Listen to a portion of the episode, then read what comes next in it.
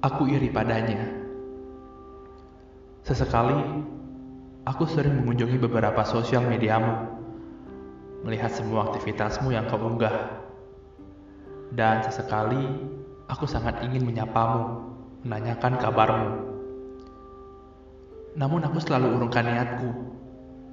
Segala prasangkaku yang berkelumuk di kepalaku membuat nyaliku ciut, menahan untuk melakukannya. Terkadang aku merasa iri melihat orang yang sering kau ucapkan selamat pagi. Selalu kau pajang fotonya di sosial mediamu. Teramat beruntungnya orang itu yang mampu melihat senyummu setiap saat, yang selalu bersamamu setiap waktu, yang selalu ada saat kau membutuhkannya.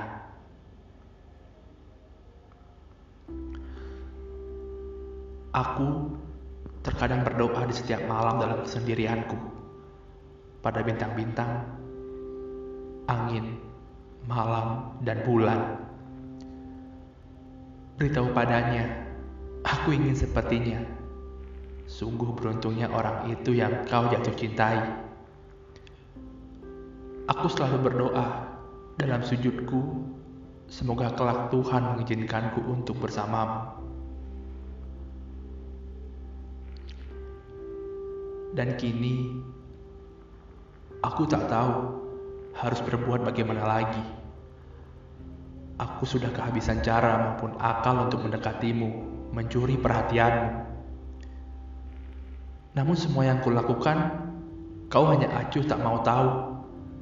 Kalau kehadiranku di hadapanmu, ataupun di kehidupanmu, mengganggumu, aku akan berusaha melepaskanmu.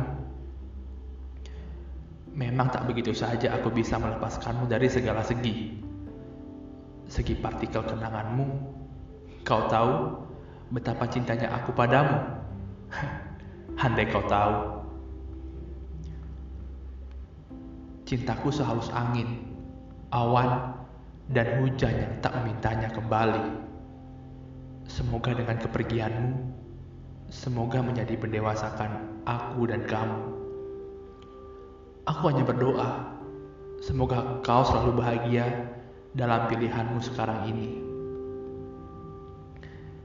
Sebab siapa yang paling tersakiti, maka ialah yang paling kuat mengingat kenangan.